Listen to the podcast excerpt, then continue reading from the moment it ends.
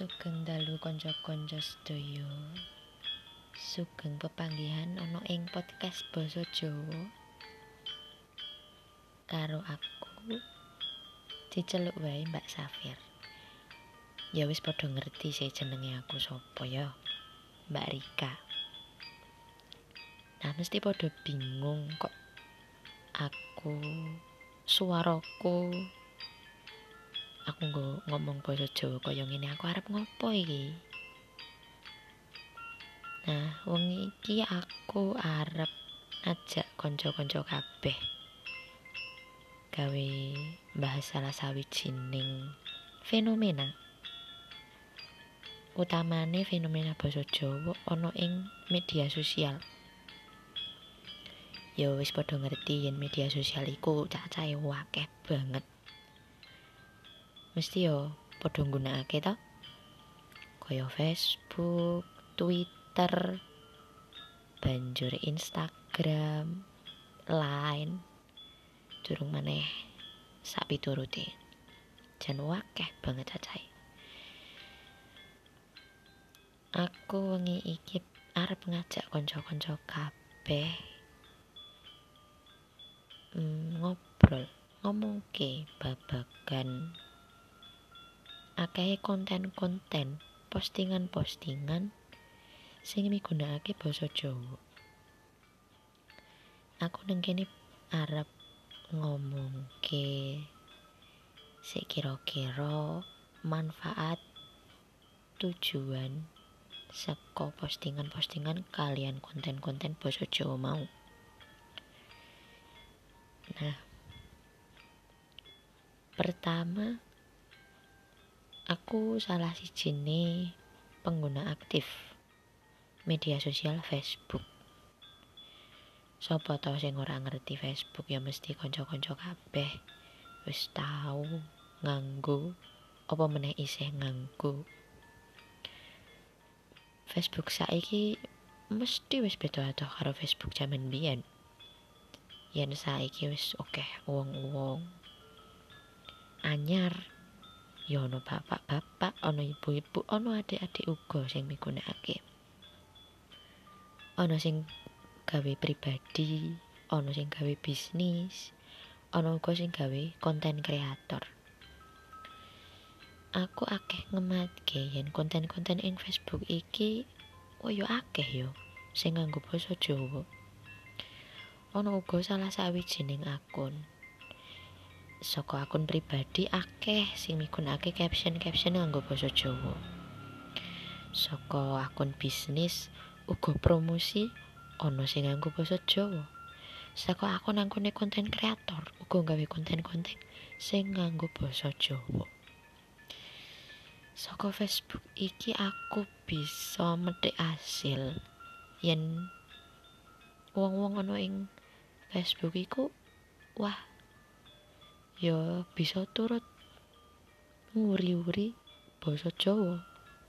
Apa maneh anane konten kreator sing kaya gawe kata-kata utawa quotes kuwi unine lucu-lucu ya bab asmara, bab humor, bab urip kuwi uga wis akeh sing padha ngirim maneh uga akeh sing migunakake.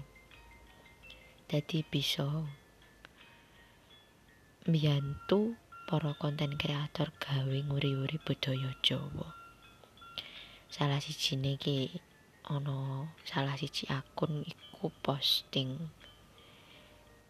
Unine kaya ngene Malang teko Surabaya aku wis sayang malah mbok tinggalno. Wah enak tenan iku saka Malang tekan Surabaya iso saka sayang dadi ditinggalno.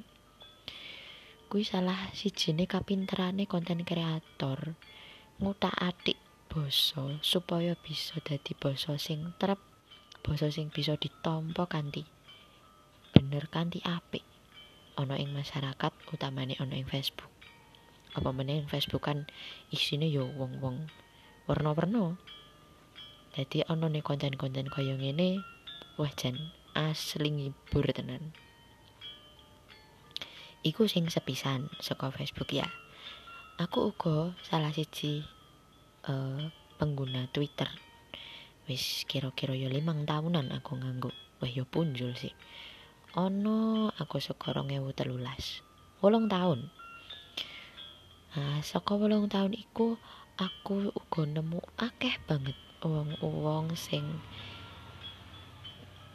utamane nggawe cerita cerita yen istilah mono treat utawa utas kuwi migunakake basa Jawa. Okeh-okehe wong iku nggawe cerita nggo basa Jawa temane horor. Salah sawijine saka utase Simple Man ya wis padha ngerti mesti. KKN Desa Penari. Wah ning jero kono jan akeh diselipke basa-basa Jawa. Aku mikir yen basa Jawa bisa diangkat mawi cerita-cerita utawa utas saka Twitter iki iku salah sawijining babagan kang efektif gawe mromosike basa Jawa mawi pengguna media sosial Twitter. Wis jan. Jan nyenengake banget neng semake.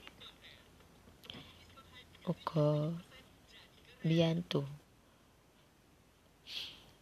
iku ingkang kapindo ingkang kaping telu saka Instagram. Wah iki sing paling wakeh iki.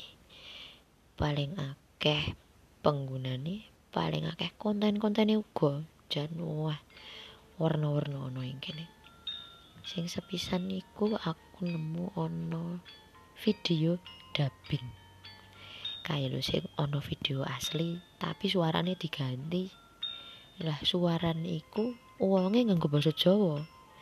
Dadi oleh jelaske yo ono plesetan-plesetane ana babagan lucune nganggo basa Jawa. Iki mesti dadi salah siji konten sing asil gawe lucu lan uga marakake guyu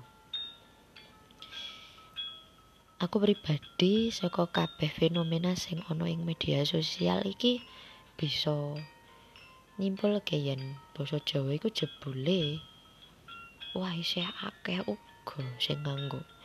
Ananging ora akeh sing nganggo ing basa padinan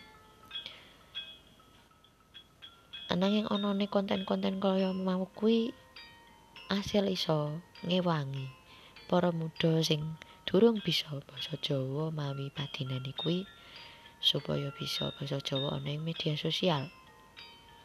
Ibarat saka caption saka narasi foto-foto sing diupload utawa nyanyi-nyanyi nggo basa Jawa kuwi wis sithik-sithik ngewangi nguri-uri budaya lan basa Jawa.